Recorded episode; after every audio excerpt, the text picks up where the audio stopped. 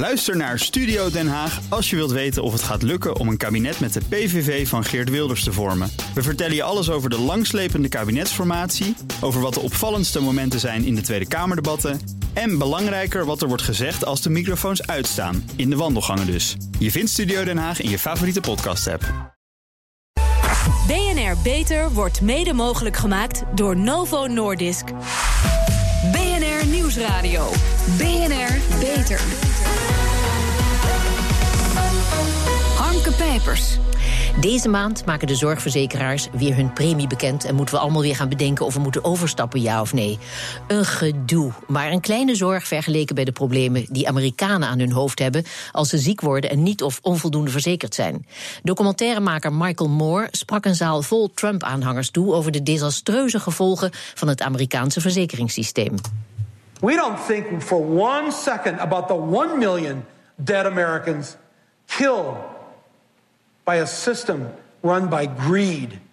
Greed of the insurance companies. One million dead. One million dead.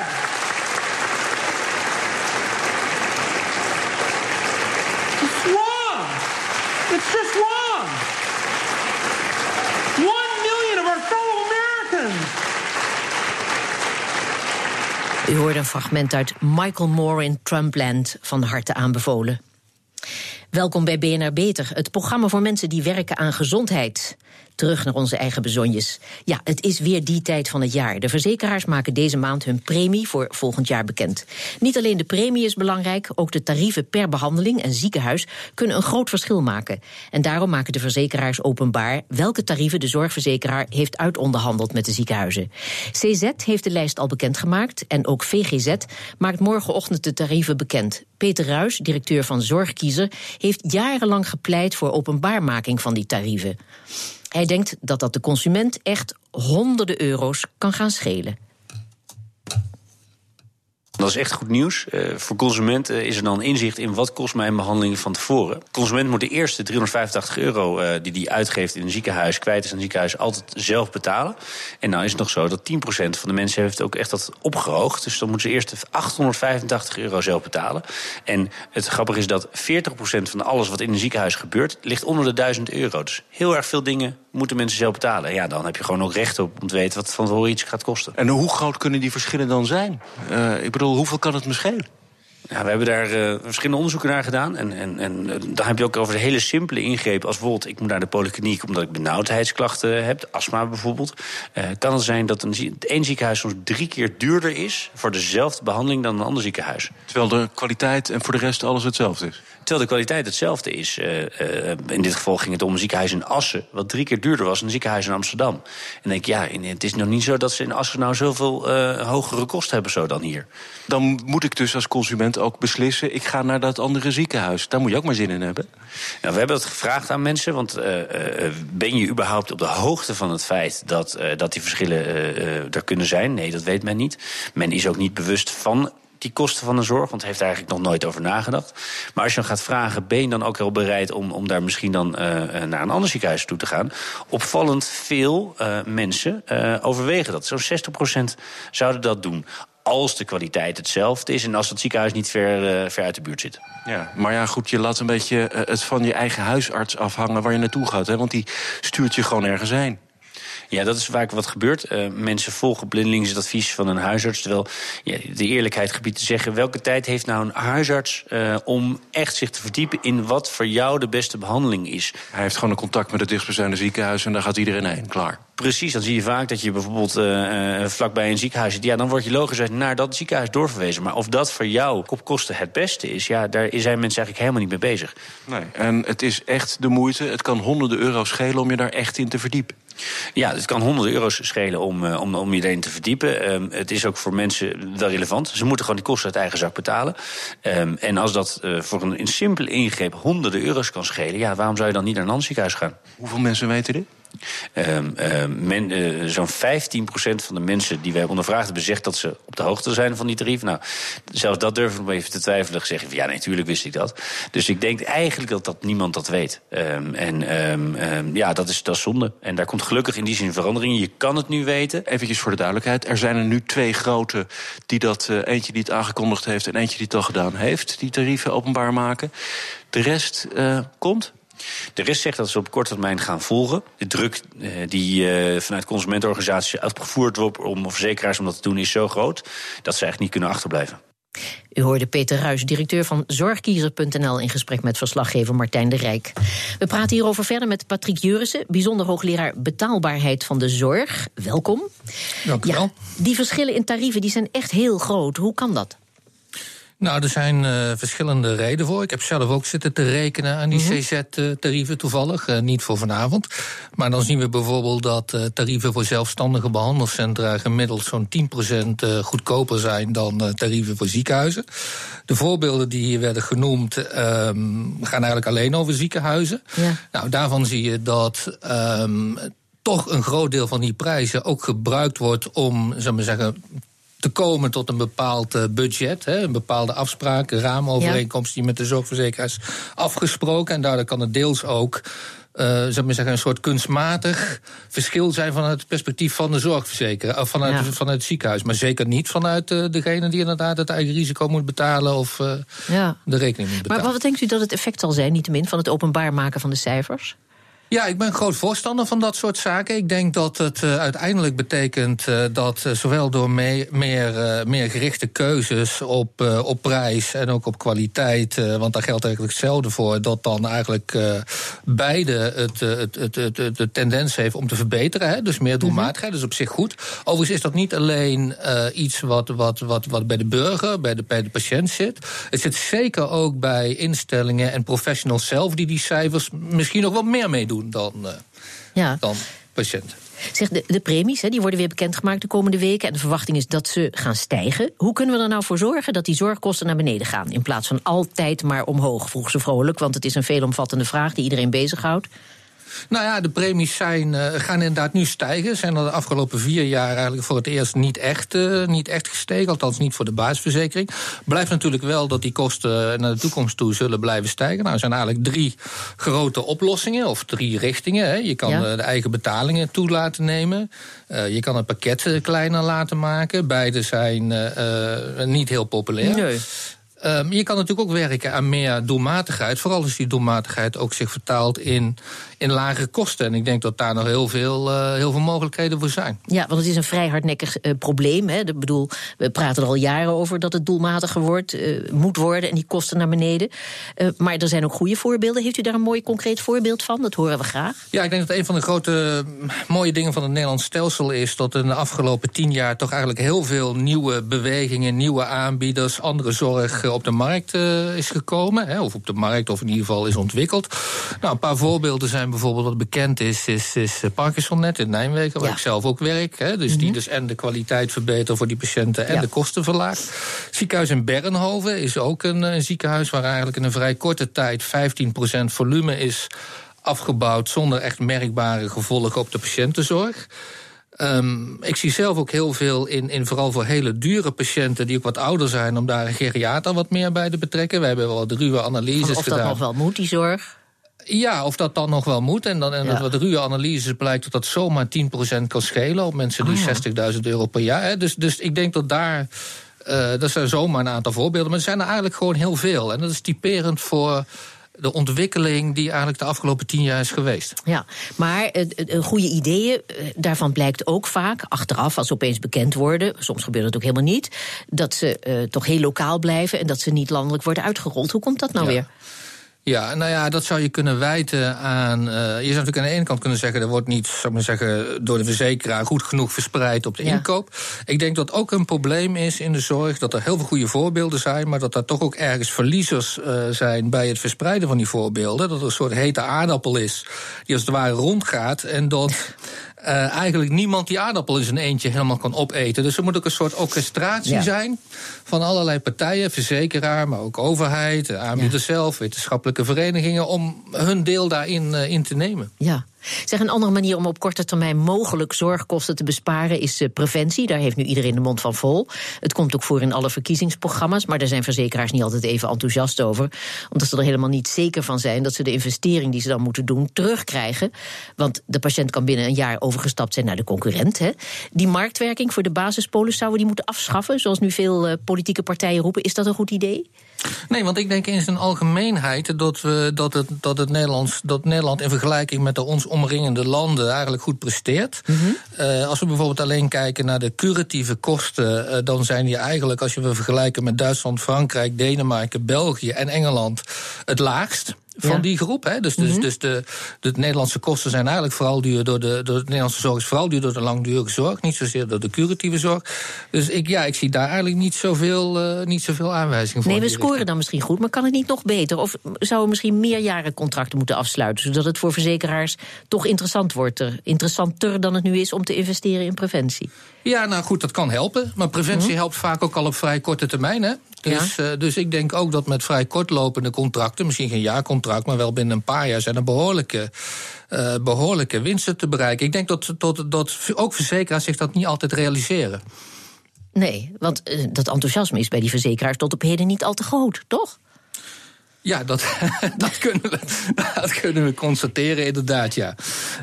Um, maar het is natuurlijk wel zo dat, dat uh, een gezond iemand is gewoon ook iemand die weinig kost. Hè? Dat, mm -hmm. is, dat is gewoon zo. En die, diegene kost misschien wel meer over 40 jaar, maar dat, we, dat weten we eigenlijk helemaal niet zo goed. Hè? Dat, dat denken we, maar er kan natuurlijk heel veel veranderen tussen nu en 40 jaar. Ja. Worden we gezonder van preventie en helpt het de kosten te drukken? Daar hoort u meer over na de reclame. BNR Nieuwsradio. BNR Beter. Helpt preventie om gezond te blijven of te worden? En helpt het ook om de zorgkosten te drukken? Daarover praat ik verder met mijn gast Patrick Jurissen, bijzonder hoogleraar betaalbaarheid van de zorg. En we hebben ook contact met Arno Rutte, Tweede Kamerlid voor de VVD. Ja, meneer Rutte, ik begin met u. U heeft meegeluisterd, heb ik begrepen. Preventie komt ook voor in het VVD-verkiezingsprogramma. Ook al wordt het geen preventie genoemd in dat programma, het woord komt er niet in voor. Maar het is belangrijk, zo lees ik, dat er informatie beschikbaar is over gezonde leefstijl. Dat het belangrijk is om jongeren kennis te laten maken met gezonde voeding en te informeren over of alcohol, tabak, drugs en seks, zodat ze zelf de keuze kunnen maken voor een gezonde leefstijl. En de VVD wil geen vet- of suikertax, geen betuttelende etikettering om gedrag te beïnvloeden. Maar we weten nu al zo'n 40 tot 50 jaar dat voorlichting op grond waarvan mensen dan de goede keuze zouden kunnen maken, dat dat niet werkt. Meneer Rutte, ik vind het allemaal zo vrijblijvend. Zo krijgen we de zorgkosten toch niet naar beneden? Pre preventie is uh, van belang voor mensen om goede keuzes in hun leven te maken. En mm -hmm. daarmee investeren ze in hun eigen gezondheid. Dat is zeker waar. Ik vind de verbinding meteen leggen tussen als we maar aan preventie doen, dan gaan de kosten omlaag. Dat weten we eigenlijk niet zo goed. Er zijn heel veel onderzoeken naar preventie gedaan. En iedere keer blijkt weer dat het buitengewoon lastig is om op basis van leefstijl te concluderen dat daarmee de kosten omlaag gaan. Op korte tijd boeken mensen zeker gezondheidswinst. Dat is hartstikke goed. Ik zou iedereen ook aan willen raden om dat te doen. Op de langere termijn verliezen we dan de, zeg maar, de, de kostenbesparing weer. Omdat mensen die ouder worden vaak alsnog overlijden aan een heel duur ziektebeeld. Ah. Dus het is op korte termijn winst. En daar moeten mensen ook vooral voor gaan. Ja, voor. Ja, even naar meneer Jurissen. Ja, preventie is mooi, moet je doen volgens Rutte. Maar het gaat niet helpen om de kosten te drukken. Althans niet op de lange termijn. Mee eens? Nou ja, goed, kijk, uh, de kosten van de zorg stijgen natuurlijk al zo'n beetje 100 jaar. Hè? Dus in die zin is dat natuurlijk een hele, hele terechte uitspraak. Mm -hmm. Dat doet alleen niet af aan het feit dat uh, wij natuurlijk minder zeker weten wat er over 40 jaar gebeurt dan wat er zeggen, de komende twee, drie jaar gebeurt. Hè? Dus met andere ja, woorden, komt die dementiepil, hè? ik verwacht het niet hoor, mm -hmm. maar stel, hè, dan zou dat in één keer toch heel veel kunnen, kunnen, kunnen schelen in die kosten. Hè? Dus, dus mijn punt was meer van de onzekerheid in de verre toekomst is eigenlijk zo groot dat het toch lastig is om hele harde uitspraken te doen. Ja, en ik hoop dan maar dat Westendorp gelijk heeft. Die zegt, want het is toch echt niet de bedoeling dat we zo naar onze dood toe sukkelen... en dat je daar zo lang over doet. Maar het is de bedoeling dat je lang gezond blijft en dan omvalt. Dus daar moeten we dan op zijn minst op hopen, ja. toch? Ja. zeker, ja. Maar de realiteit is vaak anders. Hè. Dus dat mensen inderdaad die mensen die heel lang heel gezond leven, en heel mooi, en dat is heel goed, en heel langdurig ook vitaal blijven, maar die laatste jaren juist dan heel ernstige nare ziektebeelden krijgen, zoals bijvoorbeeld dementie. En daar wil ik mensen absoluut niet afraden om gezond te leven. Het lijkt mij heel erg de moeite waard om lang gezond te blijven. Ja, zeg maar het verschil tussen mensen met wat dan heet een hoge sociaal-economische status, hè, en mensen met een lage sociaal-economische status, is als je praat over het aantal jaren die in goede gezondheid wordt doorgebracht, gemiddeld 10 jaar. Dat is heel veel. Wat denkt u? Gaat preventie deze kloof verkleinen, meneer eh, Jurissen? Um, ja, dat, dat, dat zou best wel eens kunnen. Omdat uh, een toch wel belangrijk deel van die gezondheidsverschillen ook samenhangen met, met verschillen in leefstijl. Mm -hmm. en, uh, en met name meer ongezonde leefstijl door, door lagere inkomensgroepen, lager opgeleide groepen. Dus het zou heel goed kunnen dat, uh, dat als we succesvol zijn met terugdringen van, van, van de rook en dergelijke, mm -hmm. vooral, vooral daar de winst te zien is. Ja, wat, wat denkt u daarvan, meneer Rutte? Nou, het is zeker zo dat als het lukt om roken terug te dringen, dat dat uh, uh, voor bepaalde ziektebeelden absoluut veel oplevert voor mensen. Ja. Het blijkt buitengewoon lastig te zijn om die kloof tussen uh, lager en hoger opgeleid te overbruggen. En eigenlijk de enige internationale onderzoeken die iets kunnen bewijzen over het effect van, van interventies die je kunt doen, die echt leiden tot, tot verschil um, op het gebied van preventie, is zorgen dat, men, dat je schooluitval bestrijdt en dat mensen beter werk krijgen. En die Ja. twee dingen blijken toch uiteindelijk het meest bepalend te zijn. Ja, en ondertussen zijn er ook theorieën. Hè? Mensen die zeggen dat eh, mensen met een hogere sociaal-economische status meer met de aangeboden preventie zullen doen. En dat dan de kloof alleen maar groter wordt. Alleen de onderkant gaat Dat- er dan ook ook ietsje zo. op vooruit. Meneer Juris? Ja, dat is ook zo. Ja, dat, dat, dat, zou kunnen. Ik hou- hang denk ik ook wel erg samen met de vorm van preventie. Hè? Dus, Mhm. dus eh, ik denk dat uh, hoger opgeleiden meer responsief zijn op, op voorlichting Ja, en dergelijke. precies. Lager opgeleiden waarschijnlijk, nou dat, niet waarschijnlijk, we weten dat lager opgeleiden meer responsief zijn tegen bijvoorbeeld een hogere prijs voor roken of, of, of Ja, ja. alcohol of dergelijke. Maar goed, dat moet ons er niet van weerhouden om het te proberen wellicht. Goed, ervan uitgaand dat preventie zinvol is, dat doe ik dan maar gemakshalve... en dat voorlichting niet helpt, eh, daar roep ik ook uit... eh, zou het gezondheidsgedrag van mensen beter gestuurd kunnen worden... door te belonen of door te straffen? Wa- waar- hoe denkt u daarover, meneer Rutte? Ehm, is een gewetensvraag. De vraag is of je het gedrag van mensen als overheid moet willen sturen. Ja. Dat, vind ik, dat kan, Ja, dat kan heel ingrijpende dingen. Ja. Nou, nee, maar dat, dat, dat leidt uiteindelijk van, naar, naar een overheid die ons gaat, de weg gaat wijzen over wat gewenst en ongewenst gedrag is. Daar, eh, daar ben ik huiverig voor, want voor je het weet mag je ook niet meer voetballen of op skivakantie. Ja. Dat is ook allemaal ongezond. Daar ben ik wat terughoudend in. Los daarvan. ehm, als je ehm, leefstijl wilt beïnvloeden, dan geloof ik meer in belonen dan in bestraffen. Ja. Eh, meneer Juris?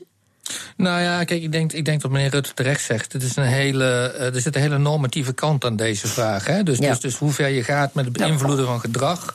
wordt eigenlijk steeds belangrijker. Maar is ook heel normatief, een normatief wat je daarvan vindt.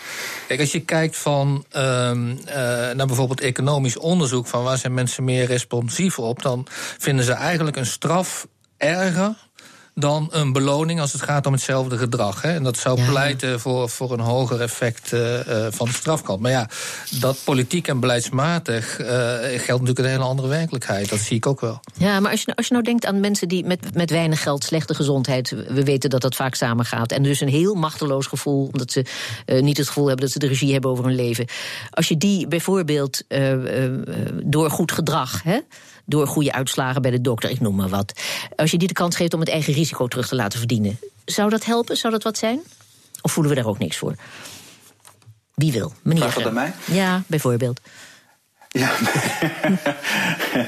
ik, vind dat een, eh, ik vind dat een hele lastige. Ja. Ehm, we weten wel dat het veel lastig, ook, ook ingewikkeld is voor mensen om op een bepaald moment een therapietrouw eh, te doen. Hè. Dus als je helemaal begint met een, met een bepaalde manier van een bepaalde behandeling, dat je hem ook echt afmaakt. Dat je elke dag opnieuw de juiste medicijnen blijft nemen om gezond te blijven.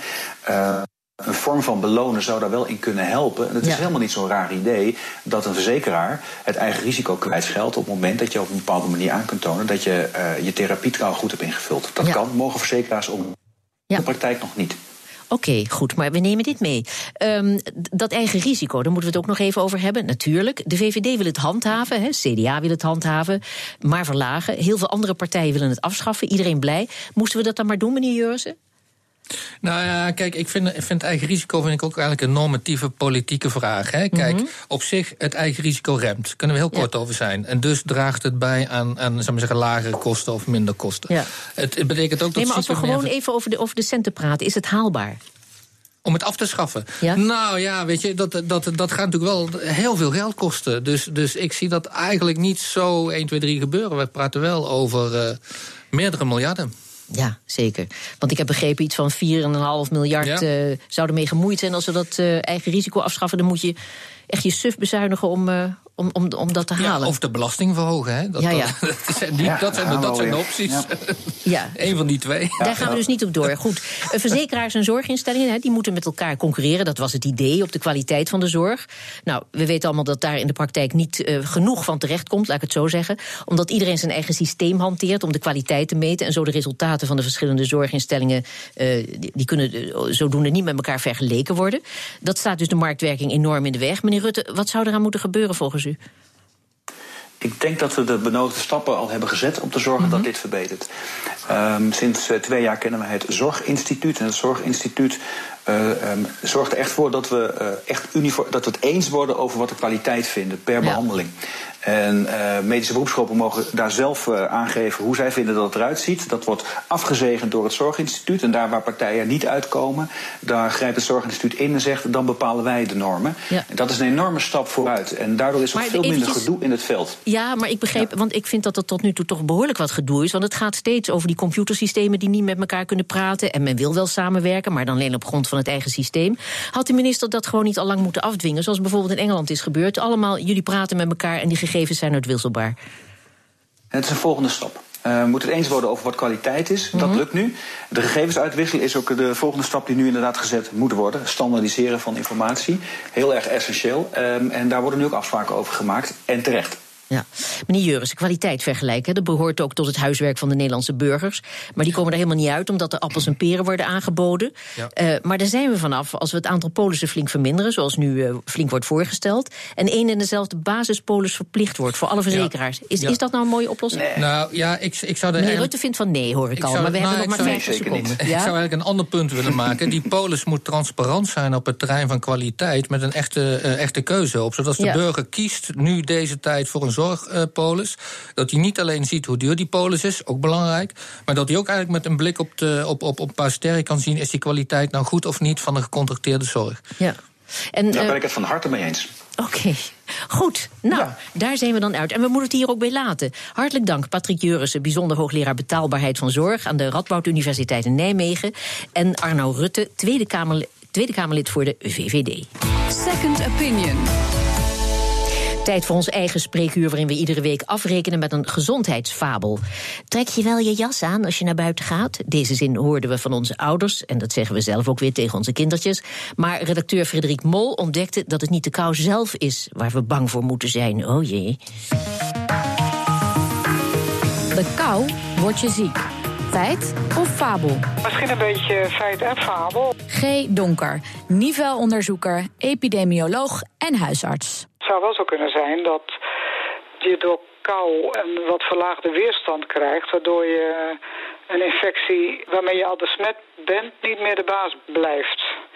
Dus indirect eh, kan kou dan toch een infectie veroorzaken. Dat is wel het bestaande idee, maar het is moeilijk wetenschappelijk te bewijzen. Dus toch wel verstandig om een warme jas aan te trekken als ik naar buiten ga? Ja, en als je goed gekleed bent, is dat natuurlijk niet een probleem. De kou op zich doet er niet zoveel toe. Maar als je onvoldoende gekleed bent daarvoor... of on- onvoldoende voorbereid bent daarop... Dan, dan zou het wel een probleem kunnen worden. Kortom, luister naar je moeder en doe een sjaal om als je naar buiten gaat. Ja, dat is wel een goed ding, denk ik. Tot zover deze uitzending van BNR Beter. Op bnr.nl slash beter is deze uitzending terug te luisteren. En we zijn ook op Twitter te vinden, onder het BNR Lifestyle. Dus heeft u tips voor ons? Laat het ons weten, we zijn er gek op. Bedankt voor het luisteren, ik ben Harmke Pijpers. Tot een volgend spreekuur. BNR Beter wordt mede mogelijk gemaakt door Novo Nordisk.